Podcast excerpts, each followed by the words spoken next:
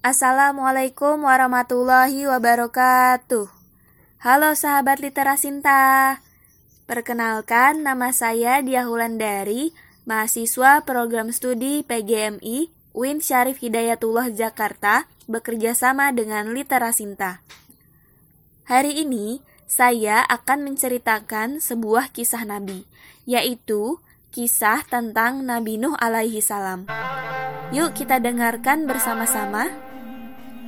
Nabi Nuh alaihi salam merupakan keturunan kesembilan dari Nabi Adam alaihi salam.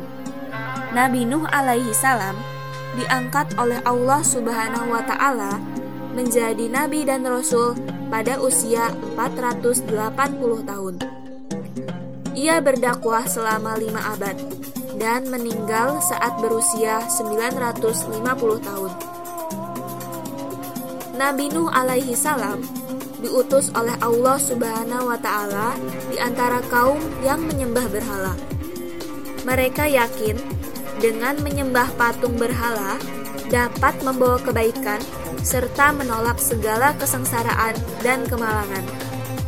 Mereka memberi nama pada patung-patung berhala sesuai kehendak dan selera mereka. Terkadang, mereka namakan berhala mereka Wat dan Suwa, kadangkala Yagut, dan bila bosan, digantinya dengan nama Yatuk dan Nasr. Nabi Nuh alaihi salam terkenal sebagai nabi yang fasih berbicara, bijaksana, dan sabar dalam menjalankan tugas risalahnya. Nabi Nuh berdakwah dengan sekuat tenaga kepada kaumnya yang keras kepala. Namun demikian, selama berdakwah, ia hanya mendapatkan pengikut antara 70 sampai 80 orang. Suatu ketika, kaum Nabi Nuh alaihi salam berseru padanya, "Wahai Nuh, jika engkau ingin kami mengikuti agama yang engkau bawa, maka jauhkanlah para pengikutmu yang terdiri dari petani, buruh, dan hamba-hamba sahaya itu. Usirlah mereka dari pergaulanmu, karena kami tidak ingin bergaul dengan mereka dalam satu agama yang sama. Nabi Nuh alaihi salam menolak dan berkata, Risalah dan agama yang aku bawa adalah untuk semua orang, tiada pengecualian karena merasa tidak berdaya lagi menghadapi kata-kata Nabi Nuh. Mereka berkata, Wahai Nuh, kita telah banyak berdebat dan cukup bagi kami mendengar dakwahmu yang menjemukan itu. Kami tetap tidak akan mengikutimu dan tidak akan meninggalkan kepercayaan dan adat istiadat kami. Melihat kaumnya yang keras kepala Nabi Nuh alaihi salam berdoa kepada Allah Subhanahu wa taala. Nabi Nuh alaihi salam berdoa supaya kaumnya diberi hidayah. Allah Subhanahu wa taala mengabulkan doa Nabi Nuh alaihi salam dan memerintahkan ia dan pengikutnya untuk membuat perahu besar. Nabi Nuh alaihi salam dan pengikutnya yang setia akhirnya membuat perahu di atas bukit. Kaumnya yang keras kepala termasuk anaknya yang bernama Kanan malah mengolok-olok pekerjaan mereka. Mereka bahkan berani membuang kotoran di dalam kapal yang sedang dibuat. Mereka melakukannya ketika Nabi Nuh alaihi salam dan pengikutnya sedang tidak ada di sana.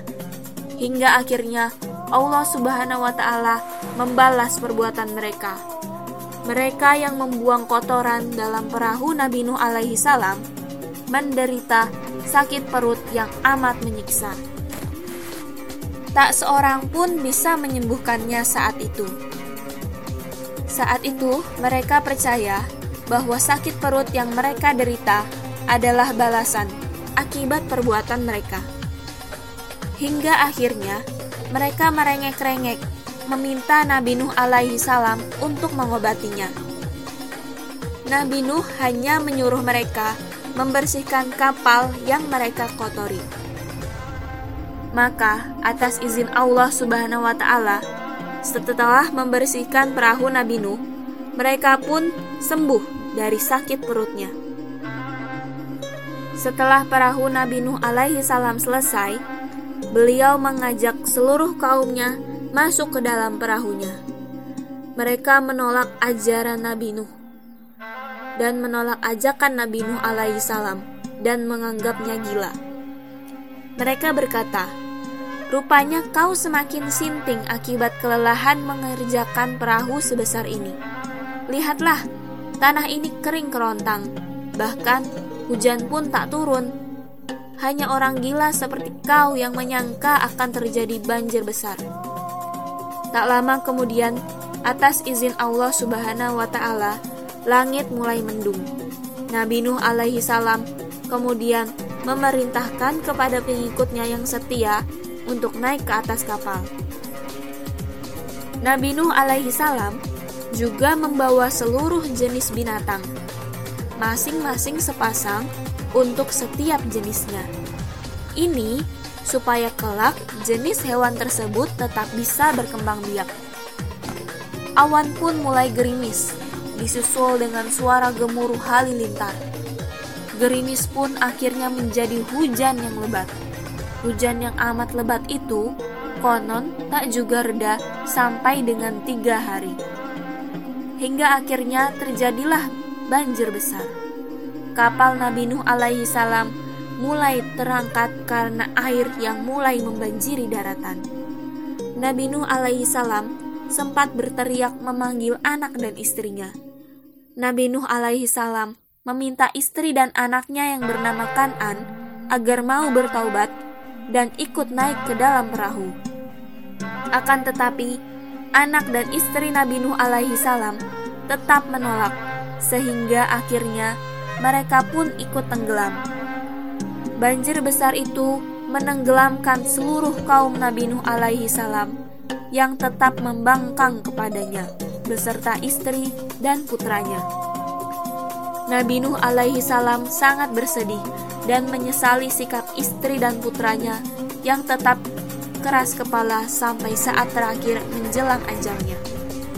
Allah Subhanahu wa taala yang Maha mengetahui mengingatkan dan menghibur Nabi Nuh alaihi salam.